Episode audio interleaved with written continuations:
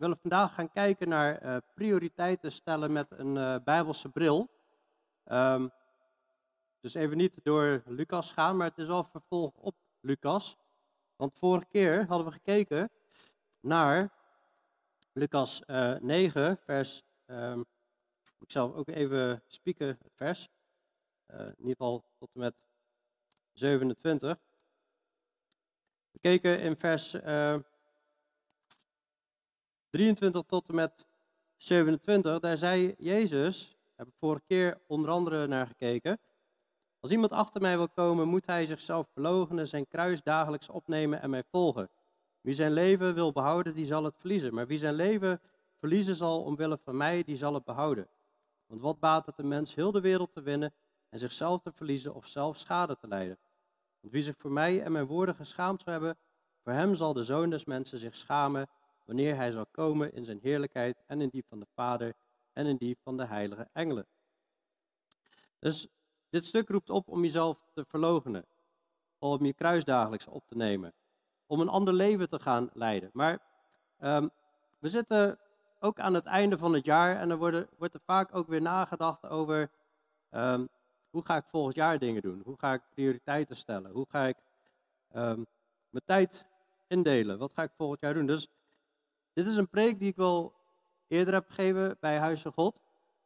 En uh, ja, ik denk, het is ook een preek naar mezelf toe. Ik denk dat het goed is, goed is eens in de zoveel tijd daarbij stil te staan. Vorige keer dat we het deden was eigenlijk helemaal in het begin van de corona-lockdown-periode. We hadden een paar maanden lockdown gehad in 2020. En toen leek het erop van alles gaat weer normaal worden. En toen dacht van, nou, dit is een mooi moment om weer eens nadat het leven even heeft stilgestaan, is even stil te staan bij wat als alles weer opstart, hoe gaan we dan leven? Maar goed, het liep wat anders met dat hele corona gebeuren. Ehm, maar ik denk dat dit altijd goed is om daarbij stil te staan. Ehm, maar laten we eerst uh, nog uh, bidden voordat ik verder ga. Hemelse Vader, Heer Jezus, dank u wel dat uh, we mogen kijken naar uw woord, Heer. En ik bid ook voor wijsheid en inzicht, dat we ja, dingen mogen begrijpen, hoe we op bijbelse wijze prioriteiten kunnen stellen. En ja, Heer, wilt u ja, ons inzicht geven en helpen daar waar uw woord overtuigt, Heer, dat we er ook iets mee gaan doen. En uh, ja, niet om, niet om onze eer, maar uiteindelijk dat, zodat u alle glorie en eer zal krijgen. En zodat uw naam geheiligd zal worden. Dit uh, vragen we in Jezus' naam. Amen. Amen. Nou, allereerst even het woordje prioriteiten stellen. Prioriteit stellen. Uh, nou goed, er zijn ook kinderen hier aanwezig. Misschien weet niet iedereen wat dat betekent, prioriteiten stellen. Um, maar prioriteiten stellen, en corrigeer me maar als ik het verkeerd zeg, maar ik geloof dat dat betekent uh, dat je bepaalt wat als er meerdere dingen zijn om te kiezen, dat je bepaalt wat het belangrijkste is. Dus bepalen wat het belangrijkste is om te doen.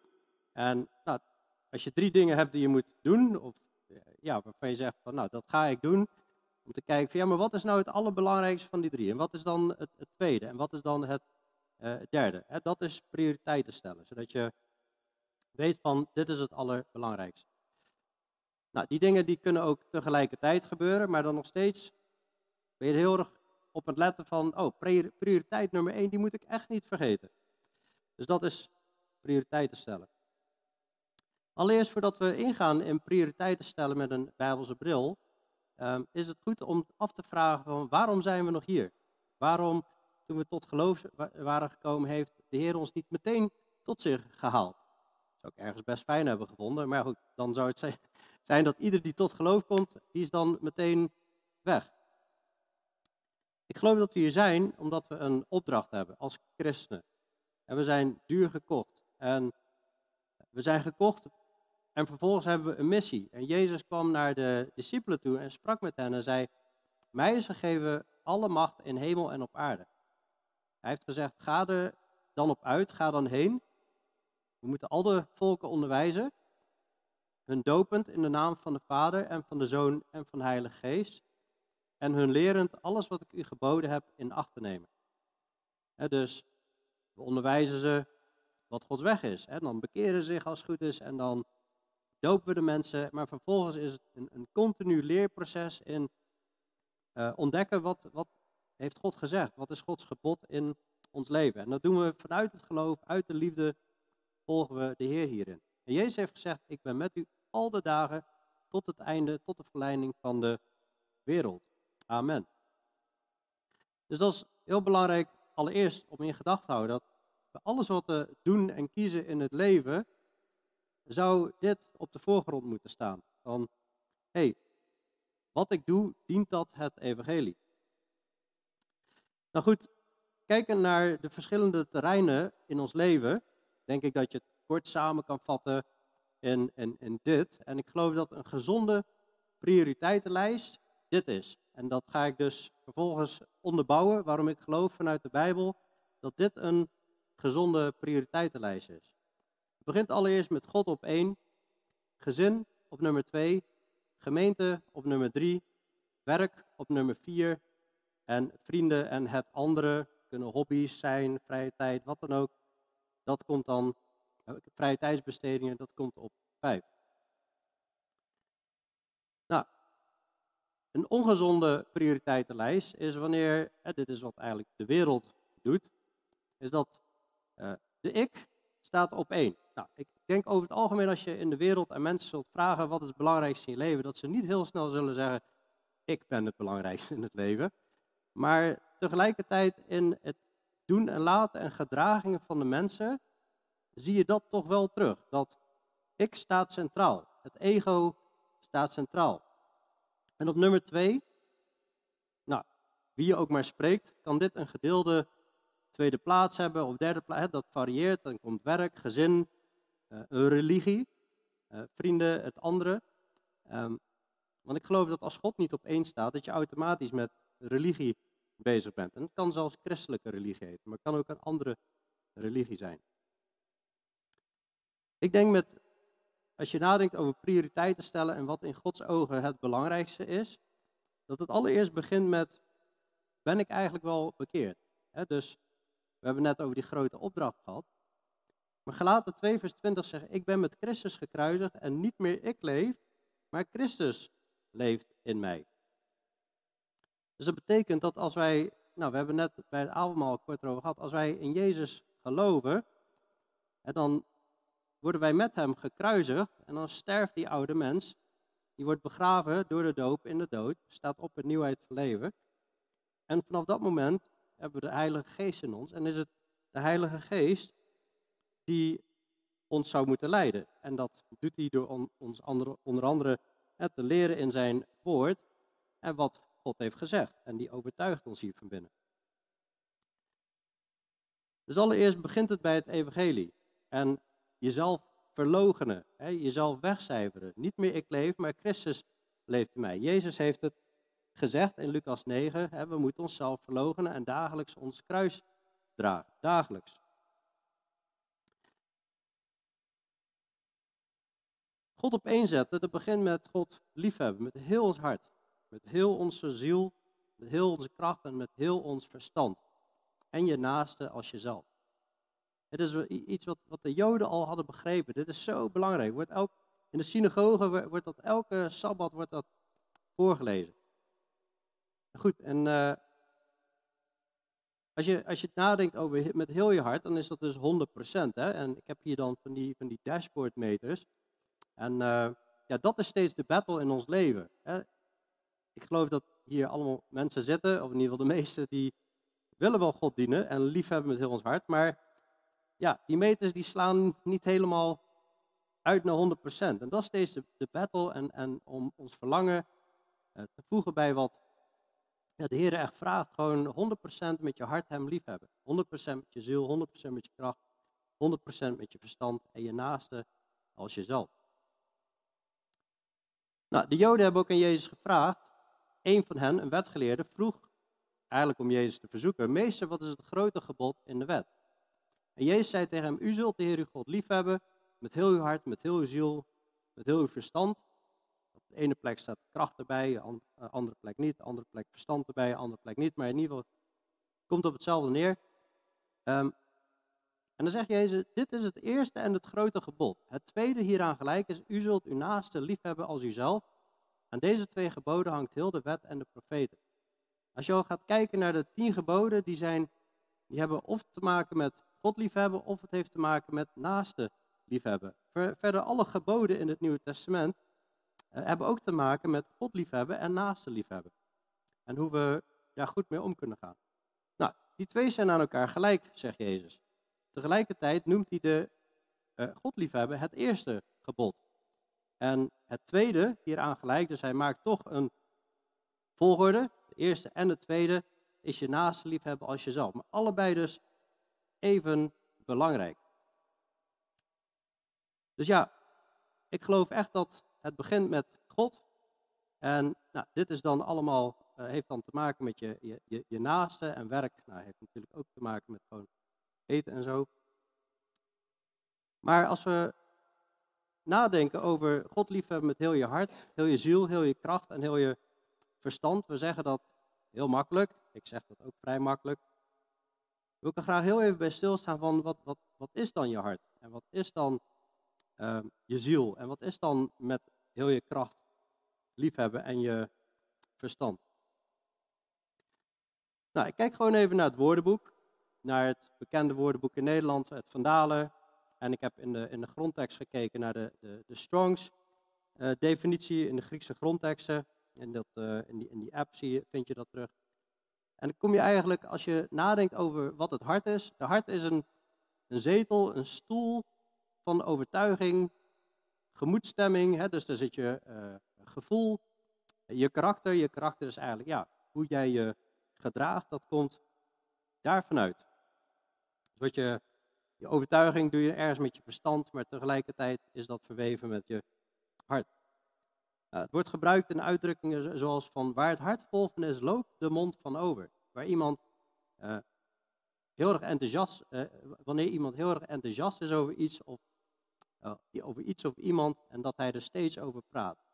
als, als ons hart vol is van iets, dan praten we daar de hele tijd over. Als iemand heel enthousiast is over politiek, praat hij de hele tijd over politiek. Als iemand heel enthousiast is over voetbal, als zijn hart daar vol van praat hij de hele tijd over uh, voetbal. Nou, en zo als jouw hart vol is van God, dan praat je steeds over, over God. Dat is um, ja, in ieder geval hoe het hart ook gebruikt wordt. Het woord hart. Wordt ook gebruikt voor met hart en ziel iets doen. Hè, dat is met alle kracht en met alle liefde. Dus dat geeft een beeld van het hart. Je ziel, dat is uh, een iets moeilijker te pakken iets. Dat is het niet-stoffelijke gedeelte waarvan de mens leeft. Het stoffelijke gedeelte, dat is dit. Dat is onze, ons lichaam. Hè? Dat is tastbaar. Dat kunnen we zien, dat kunnen we vastpakken. Maar uh, de ziel is niet stoffelijk. Hè? Maar van daaruit leef je wel. En in, religieuze termen is, het ontsterf, is, dat, is dat het onsterfelijke deel van de mens. Zo wordt dat in veel religies gezien. En ik denk ook in dat, dat, dat die gedachte matcht met de Bijbel. In openbaring 6 zie je op een gegeven moment dat er uh, mensen gemarteld zijn en hun zielen wachten daar. En uh, ze hebben nog geen belichaming, maar wel een, een ziel. Dus dat, hun ziel gaat dan door.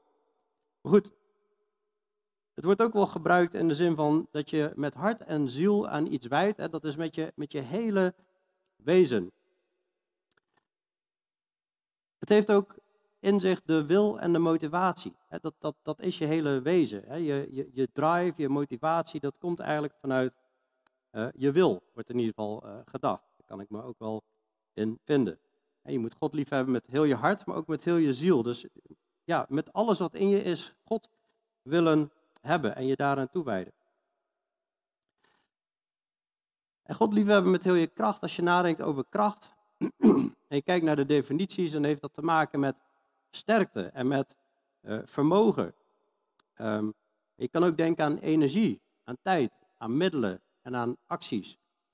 En sterkte, dat kan natuurlijk letterlijk zijn dat iemand sterk is en nou, iemand in de kerk of zo, die, moet, die heeft hulp nodig met een verhuizing. Nou, uh, broeders die heel sterk zijn, kunnen letterlijk uh, nou, zware meubels verzetten. En zo dien je je naaste, maar zo dien je dus daardoor ook God. Goed, hoe verdelen we onze energie? Gaat dat naar God? Onze tijd. Als we onze agenda's indelen, delen we die in zodat God centraal staat, zodat Hij de eerste plek krijgt. Onze middelen, onze financiën, maar ook onze bezittingen, gebruiken we dat om God te dienen. Nou, het wordt ook gebruikt in termen als van je woorden kracht bijzetten. Dat is bijvoorbeeld het niet bij woorden laten, maar door daden tonen dat je iets meent. Die term van vermogen en zo, dat kom je ook wel tegen bij auto's. Hè. Je hebt ook auto's die, nou, die hebben uh, een vermogen van 200 uh, pk. En je hebt auto's die hebben een vermogen van 100 pk. En je hebt ze zelfs van nou, wel 1000 uh, pk paardenkracht. Het is ook niet zo dat iedereen dezelfde hoeveelheid kracht heeft, of energie, of middelen. En, maar dat wat ons gegeven is, dat mogen we gebruiken om in te zetten voor God. Waarbij we niet altijd onszelf moeten vergelijken met een ander, maar kijken wat ligt binnen onze mogelijkheden om God te dienen. Nou ja, dan heb je het verstand. Dat is vermogen tot denken. Ik vind het verstand altijd wat tastbaarder. Hè? Ja, ik denk, dus ik, ik begrijp wat dan het verstand is. Maar het is ook begrip hebben voor iets, bevattingsvermogen. En in de ja, volksmond wordt het gebruikt voor bijvoorbeeld verstand van iets hebben. Er, ergens veel over weten. Of verstand komt met de jaren. Hoe ouder, hoe verstandiger. Maar God vraagt ons dus om met ook heel ons verstand God lief te hebben. Om met 100% ons verstand. Dus eigenlijk continu ons denken gericht te hebben op God. of we nou werken, doe alles tot eer van God. Um, je tijd ook met je hoofd. Uh, nou, verstandig indelen zodat het God behaagt. Dus dat is even iets, ja, achtergrond over als je, als je denkt naar, aan het punt van, ja, je moet God lief hebben met heel je hart, heel je ziel, heel je kracht, heel je verstand. Dus automatisch staat daarmee God op één. Nou, het tweede gebod hieraan gelijk is je naaste liefhebben als jezelf. Nou, kijken verder ook nog naar wat er in de Bijbel gewoon staat. Val ik nog af en toe weg? Oh, okay. uh, als we kijken wat er in de Bijbel staat, wat God zelf zegt over hoe we hem verder liefhebben, dan zegt Jezus, en we hebben vorige keer gekeken naar Jezus is ook God, hè? Um, Jezus zegt, als je mij lief hebt, neem dan mijn geboden in acht. En dat is niet om je redding te verdienen. Je redding kun je niet verdienen. We zijn gered uit genade door het geloof, niet uit werken. Maar vanaf dat moment dat je gered bent, heb je wel een vriendschap met God. Een relatie. En daarin bepaalt God wel hoe hij wil dat de dingen eraan toe gaan. Dus hij zegt, onderwerp je nou aan mij. Hè? Als je mij lief hebt, neem dan mijn geboden in acht. En het mooie is dat, zegt Deuteronomium 12, dat de geboden voor God zijn zodat het ons en onze kinderen na ons goed gaat. dus die zijn tot een zegen gegeven. Kijk je een hoofdstuk verder waarin Jezus spreekt over het verhaal van de ware wijnstok. En hij zegt, ja, blijf in mij en blijf in mijn liefde. En dat is door eigenlijk als ranken, takken in de wijnstok te blijven. Hij zei, als je in mij blijft en mijn woorden in u blijven, vraag wat je maar wilt en het zal u ten deel vallen. Dus blijf in mij, blijf in mijn liefde. En als mijn woorden in jou blijven, dan gaat hij ook nog zegenen. Vraag wat je maar wil en dan zal het je ten deel vallen. En niet om onze eer, nee, hierin wordt mijn Vader verheerlijkt dat u veel vrucht draagt en mijn discipelen bent. En dat vruchtdragen is doen wat God zegt in gehoorzaamheid leven. Dan ben je zijn volgeling. Zoals de Vader mij lief gehad heeft, heb, ik ook, heb ook ik u lief gehad. Blijf in mijn liefde. Hoe doe je dat nou in zijn liefde blijven? Als u, in mijn als u mijn geboden in acht neemt, zult u in mijn liefde blijven. Zoals ik de geboden van mijn vader in acht genomen heb en in zijn liefde blijf. Dus ook hier zegt Jezus weer, neem mijn geboden acht en blijf je in mijn liefde. Dan laat je zien dat je mij lief hebt en dan gaat mijn liefde ook in jou blijven. Hij zegt, deze dingen heb ik tot u gesproken, opdat mijn blijdschap in u zal blijven en uw blijdschap volkomen zal worden. Dus het geeft echt een gigantische zegen. Dan ga je volledig Gods blijdschap ervaren in je leven.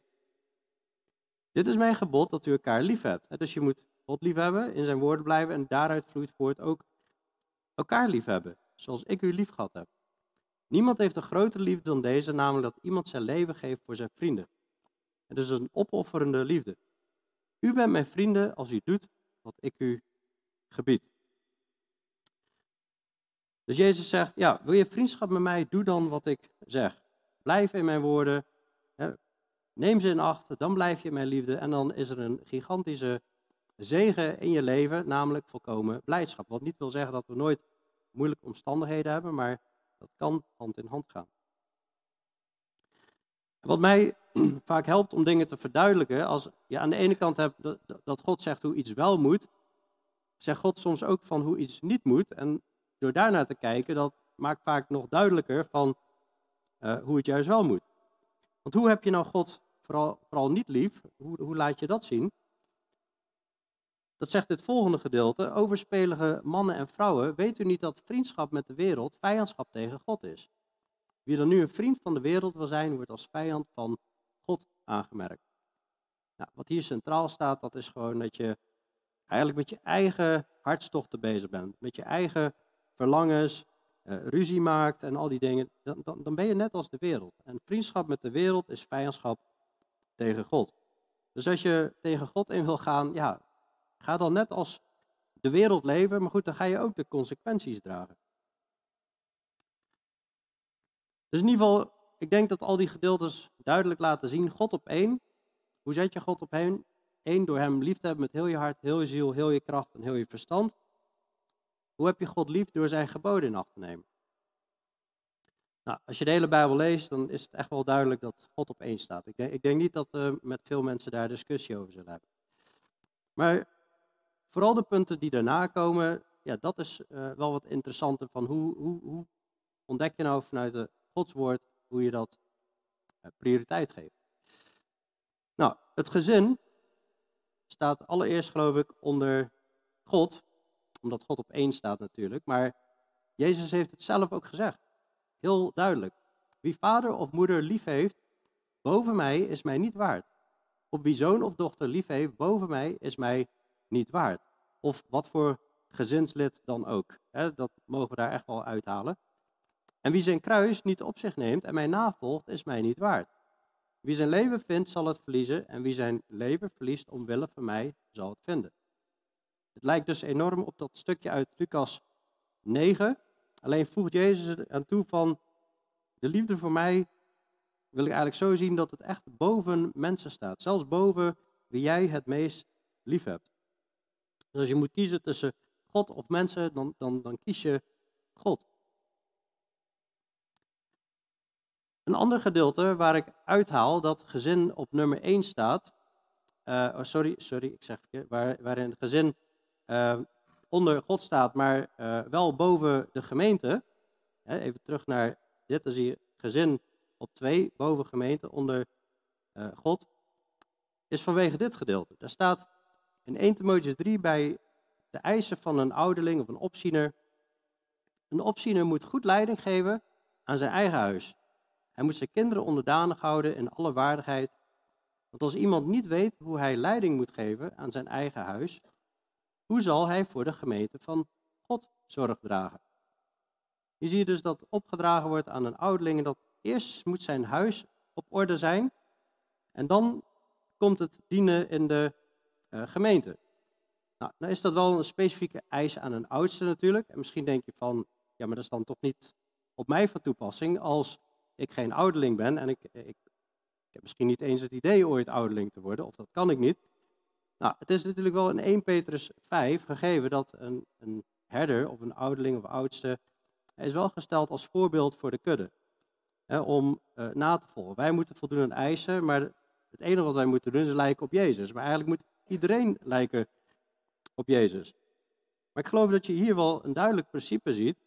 En dat gezin komt op één. Dat is je oefenplek, maar ook de prioriteit. Dat dat dus belangrijker is dan uh, in ieder geval het, het dienen. Uh, waarmee ik dus niet zeg van, oh, uh, je kunt het een wegstrepen tegen het ander. Het is allebei belangrijk. Het is niet dat je prioriteiten wegstreept tegen elkaar. Het gezin komt heel veel voor in de Bijbel. Dus je hebt God, je hebt dan ehm, gezin en gemeente, maar in ieder geval het gezin, daar wordt heel veel onderwijs over gegeven in het Nieuwe Testament. Het is heel mooi als God centraal staat in het gezin. Als kinderen zich onderwerpen aan God, als eh, de moeder en de vader zich onderwerpen aan God. Dat is, dan krijg je een stukje hemelen op aarde. En ik, ik, ik weet, we leven in een gebroken maatschappij waar dat heel vaak niet zo is. Maar dit is wel het ideaalbeeld wat God stelt voor het gezin. En hoe gaat dat in zijn werking? De man die moet zijn vrouw liefhebben. Hij moet begrip tonen. Dat staat in Efeze 5 en 1 Petrus 3. En in 1 Petrus 3 staat zelfs, hij moet begrip tonen voor zijn vrouw, opdat zijn gebeden anders niet verhinderd worden. Dus er is ook nog een, een stok achter de deur. Hij is ook degene die het gezin leidt. Hij is het hoofd van het eh, gezin. Het hoofd, de man is het hoofd van de vrouw. De vrouw wordt opgeroepen onderdanig te zijn en ook te zorgen voor het gezin. En dat is geen uh, minderwaardige onderdanigheid, dat is gewoon een liefdevolle verstandhouding met elkaar.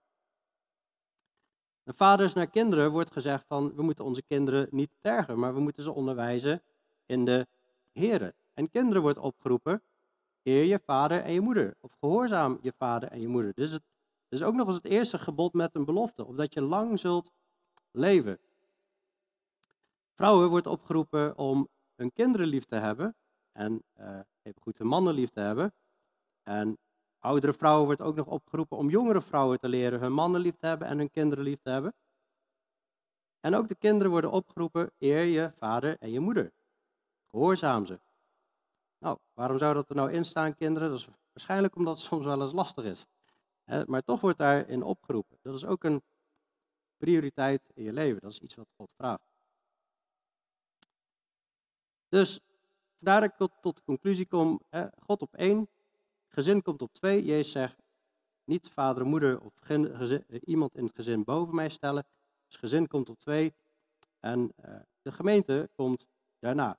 Maar dat betekent dus niet van, oh uh, ja, ik ben heel druk met mijn gezin bezig, dus ik heb geen tijd voor de gemeente.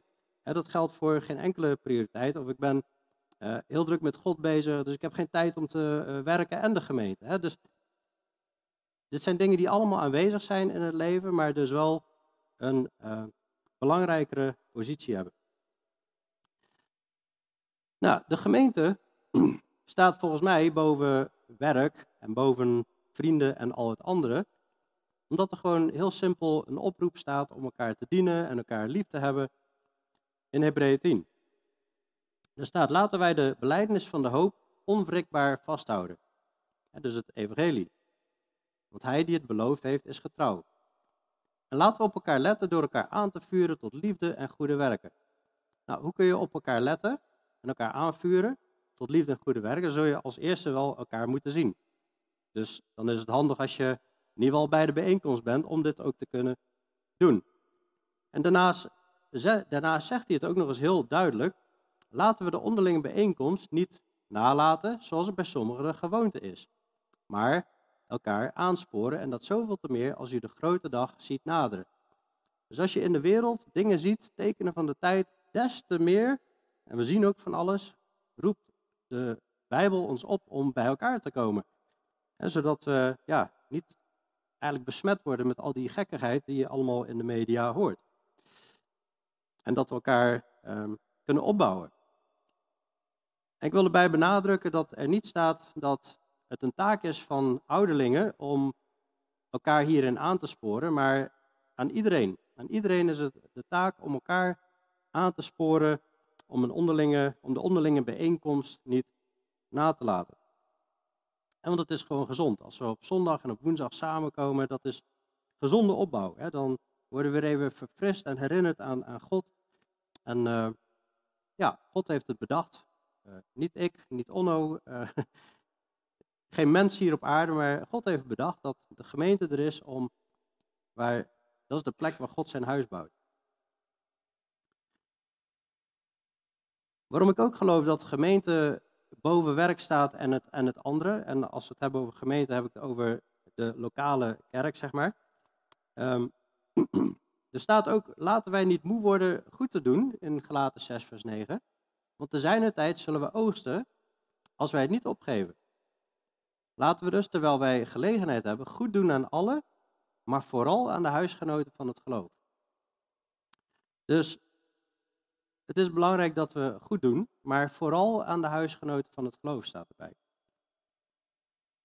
En waarom denk ik dat dit hier staat? Omdat ja, je zou met allemaal goede doelen bezig kunnen zijn. Je zou uh, bezig kunnen zijn met uh, uh, mensen helpen in de straat, om de tuintjes op te knappen.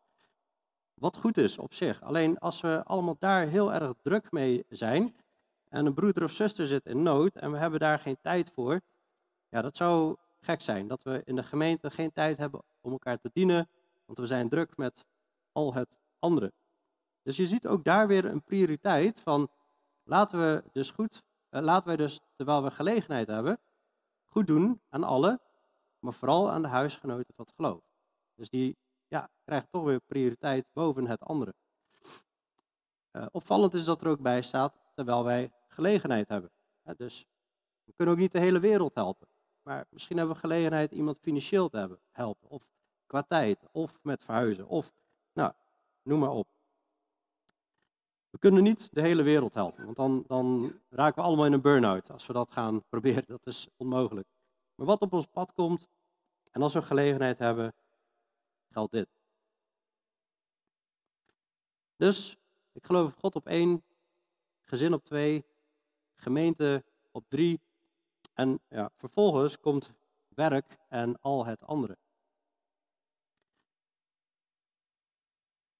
Want het kan niet zo zijn dat werk boven de gemeente staat terwijl er een oproep is, uh, ja, we moeten de onderlinge bijeenkomst niet nalaten.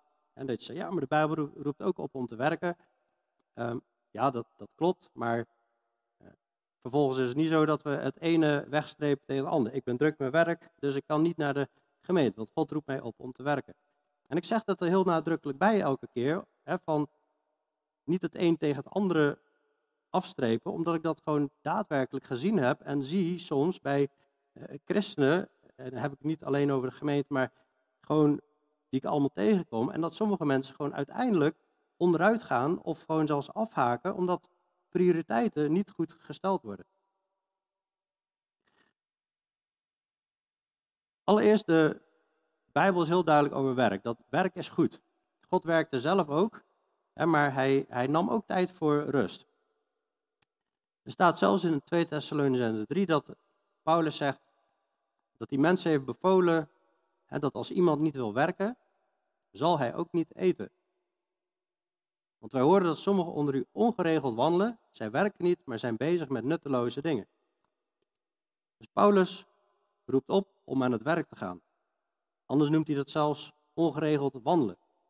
Maar het gaat wel over iemand die niet wil werken. Het gaat niet over iemand die niet kan werken. Er zijn mensen die dat eh, fysiek of mentaal niet kunnen. En, uh, maar goed, als iemand gewoon de wil niet heeft en allemaal smoesjes bedenkt om maar niet te werken, dat is niet oké. Dat wordt als ongeregeld wandelen gezien. Er wordt ook een voorbeeld genoemd hè, van wie gestolen heeft, moet niet meer stelen, maar zich liever inspannen om met de handen goed werk te doen om iets te kunnen delen met wie gebrek heeft. Hierin zie je dat God het werken bedoeld heeft om ook tot zegen te kunnen zijn tot anderen, om te kunnen delen met wie gebrek heeft. Er staat natuurlijk ook een hele harde waarschuwing tegen ja, rijkdom in de Bijbel. Ja, gevaar om rijk te willen worden. Werk is goed, maar als wij met dat werk ons rijk willen uh, rekenen en, en we werken ons kapot om, om rijk te worden, heeft Jezus een hele zware waarschuwing aan de Laodicea-kerk in openbaring 3. Hij zegt, ik ken uw werk en weet dat u niet koud en niet heet bent. Was u maar koud of heet. Maar omdat u lauw bent en niet koud en ook niet heet, zal ik u uit mijn mond spugen. Echt wel hele zware taal is dit, hè? Want u zegt, ik ben rijk en steeds rijker geworden en ik heb aan niets gebrek, maar u weet niet dat juist u ellendig, beklagenswaardig, arm, blind en naakt bent. Dus de Heer Jezus die aan het omschrijven is dat als jij voor de rijkdom gaat en je denkt, wauw, ik heb iets, dan ben je ellendig, beklagenswaardig, arm, blind en naakt. Ja, hoe, hoeveel woorden kun je gebruiken om een, de meest ellendige staat aan te geven waarin je dan zit? Wie overwint, zal ik geven met mij te zitten op mijn troon, zoals ook ik overwonnen heb en mij met mijn vader op zijn troon gezet heb. Dus serieuze waarschuwing naar rijkdom. Werk is goed, maar pas op met doorslaan. Tegelijkertijd is, uh, ik, nou, dit gedeelte heb ik niet op het scherm, maar in 1 Timotheüs 6 wordt ook uitgelegd dat het geen zonde is om rijk te zijn. Want stel jij werkt 40 uur, je bent niet uh, al je uh, tijd aan werk aan besteden, maar je, kan binnen die 40 uur, je hebt een bedrijf en God zegent dat. En je, en je, en je verdient een miljoen per jaar, ik noem maar iets. Dan is dat niet een zonde op zich. Maar als het hart erop gericht is om dit te bereiken, dat is een gevaar. Want hij geeft, Paulus geeft zelfs een bevel aan de rijken dat ze vrijgevig zijn en niet hun hoop gericht hebben op de onzekerheden van het leven. Maar dat ze leren vrijgevig te zijn en zo een schat zullen verzamelen in de hemel. Dus het is geen zonde om rijk te zijn, maar hoe is ons hart in dat alle, alles? Ik geloof wel dat het een, een zonde is om rijk te blijven, wanneer je het niet inzet eh, voor het koninkrijk van God. Want dan ga je weer helemaal terug naar het allereerste plaatje wat ik liet zien. Wat is de reden dat we hier nog zijn? Niet voor onszelf, maar om de grote opdracht uit te voeren. En dan heb je nog Matthäus 6, heel bekend hoofdstuk. Het gaat over prioriteiten stellen als het gaat om werk, als het gaat om rijkdom. Dan zegt Jezus heel duidelijk, en ik zet hier even boven, werk om rijk te worden is niet goed. Jezus heeft heel duidelijk gezegd, verzamel geen schatten voor u op aarde, waar mot en roest ze verderven en waar dieven inbreken en stelen. Maar verzamel schatten voor u in de hemel, waar geen mot of roest ze verderft en waar dieven niet inbreken of stelen. Want waar uw schat is, daar zal ook uw hart zijn. Ja, schatten verzamelen in de hemelen, dat is onder andere hè, door je financiën in te zetten God, maar tegelijkertijd ook, hè, je ziet als je uh, verdrukking verdraagt. Hè? Dat hebben we in Lucas 6 gezien. Als mensen je smaden of uitstoten of uh, ja, allerlei kwaad over je spreken. Um, om de zoon des mensen, ja, spring op van vreugde, want je, je loon is groot op die dag. Hè? Dus elke dag je kruis opnemen en voor Jezus lijden, hè, dat is al schatten verzamelen in de hemel. Jezus is heel duidelijk, niemand kan twee heren dienen, want of hij zal de een haten en de ander liefhebben, of hij zal zich aan de een hechten en de ander minachten. U kunt niet God dienen en de mammon. Hij noemt het geld, als je dat dient, hij noemt het gewoon afgoderij. Dat is de mammon. Jezus heeft ook hele mooie beloften gegeven als het gaat om werken. Hij heeft, hij heeft gezegd, hij gebiedt, wees niet bezorgd. En zeg niet, wat zullen we eten? Of wat zullen we drinken? Of waarmee zullen we ons kleden? Al deze dingen zoeken de heiden, dit zoeken de goddelozen. Uw hemelse vader weet dat u al deze dingen nodig hebt. Zo, ja, dat is ontzettend bemoediging. Als je het een keer moeilijk hebt of eh, financieel last hebt, of even niet weet wat je moet eten of drinken of waarmee je moet kleden. Ga daar niet op focussen. Jezus heeft gezegd, zoek eerst ik heb het even met hoofdletters getypt. Zoek eerst, dus een gebod, het koninkrijk van God en zijn gerechtigheid. En al deze dingen zullen u erbij gegeven worden. Nou, waar is het koninkrijk van God? dit is het koninkrijk van God. Dit is de gemeente is het koninkrijk van God, koninkrijk de hemelen. Dus dit moet prioriteit hebben boven werk, boven werken en, en, en nou, in ieder geval je baan, geloof ik. Waarbij Jezus niet zegt, je moet niet werken. Hè? Dus dat is de andere kant.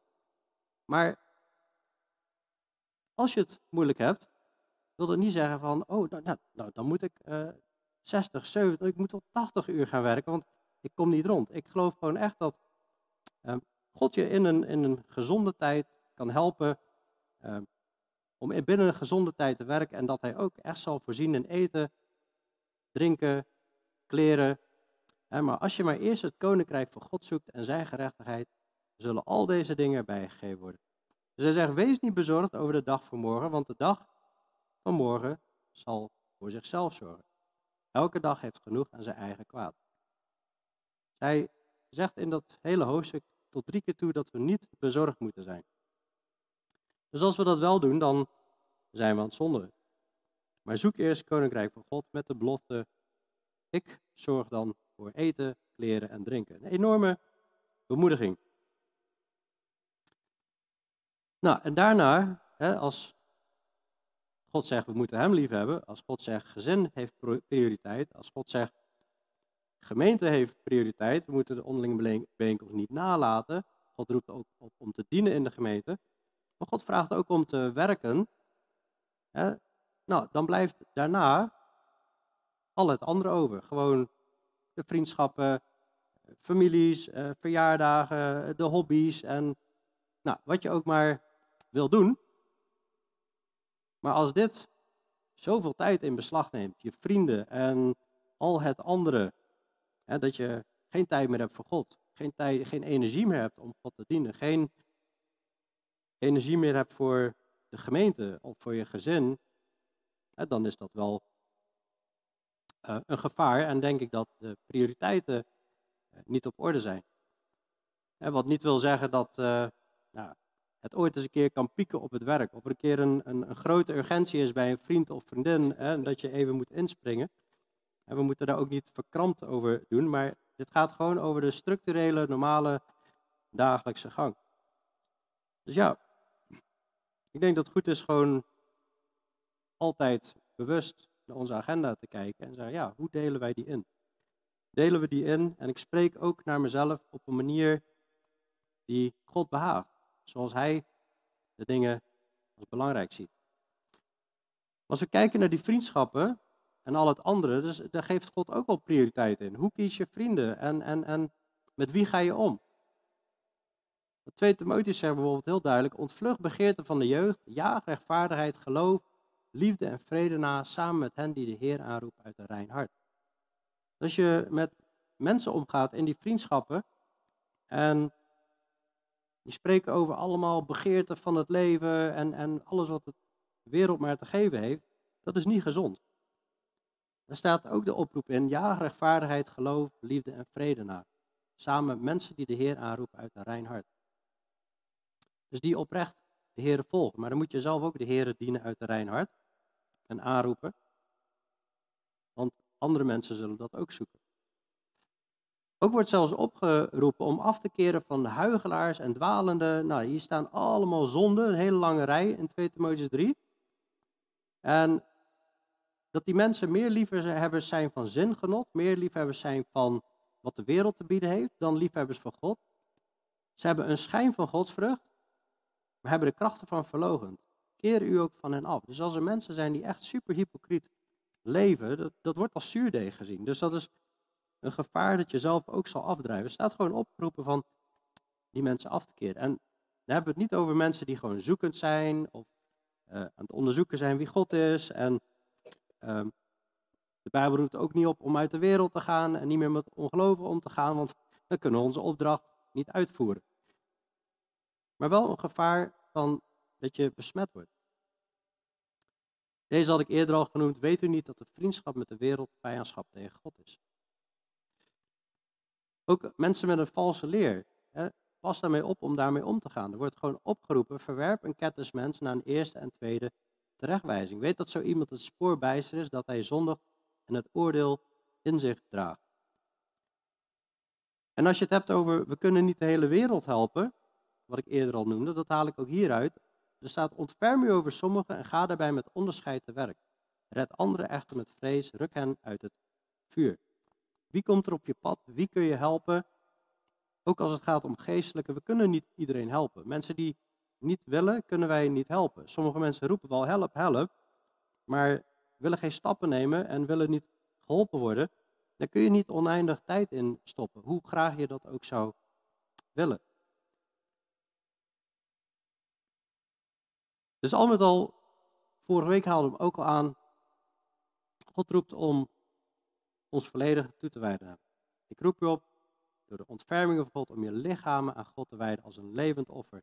Heilig en voor God welbehagelijk. En heel duidelijk dat we de wereld niet gelijkvormig moeten worden, maar veranderd moeten worden door de vernieuwing van je denken, om te kunnen onderscheiden wat de goede, welbehagelijke en volmaakte wil van God is. Het staat op zoveel plekken dat God eigenlijk echt totale toewijding wil. Maar ik ging zelf op een gegeven moment nadenken, ja, maar hoe doe ik dat in, in al die facetten van mijn leven? En ik ben in ieder geval op dit uitgekomen wat ik vandaag heb laten zien.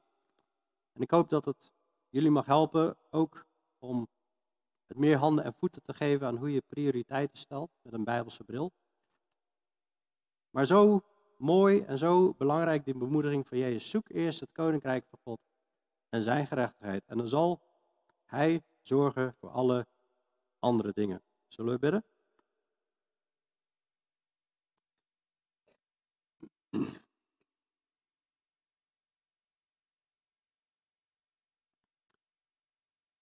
Ja, ons Vader, Heer Jezus, dank u wel dat u ons uh, laat zien in uw woord. Dat u echt op één wil staan, Heer. En we willen u vragen om hulp, Heer, om u ook echt op één te zetten. Heer, en dat we er echt tijd voor maken. En als nodig is, andere dingen strepen in ons leven die gewoon niet belangrijk zijn. Heer, wilt u ons ook uh, ja, helpen om, uh, als iemand al een gezin heeft, om gezin ook prioriteit te geven en het gezin te dienen op de manier zoals u vraagt. De rol voor man, voor vrouw, voor kind. Zodat u er ook daarin verheerlijk mag worden. En we bidden ook ja, dat we u ook mogen dienen in de gemeente. Heer, dat we ook uh, daar handen en voeten kunnen geven aan, wat u vraagt. En uh, zo ook in de gemeente gezamenlijk u groot mogen maken.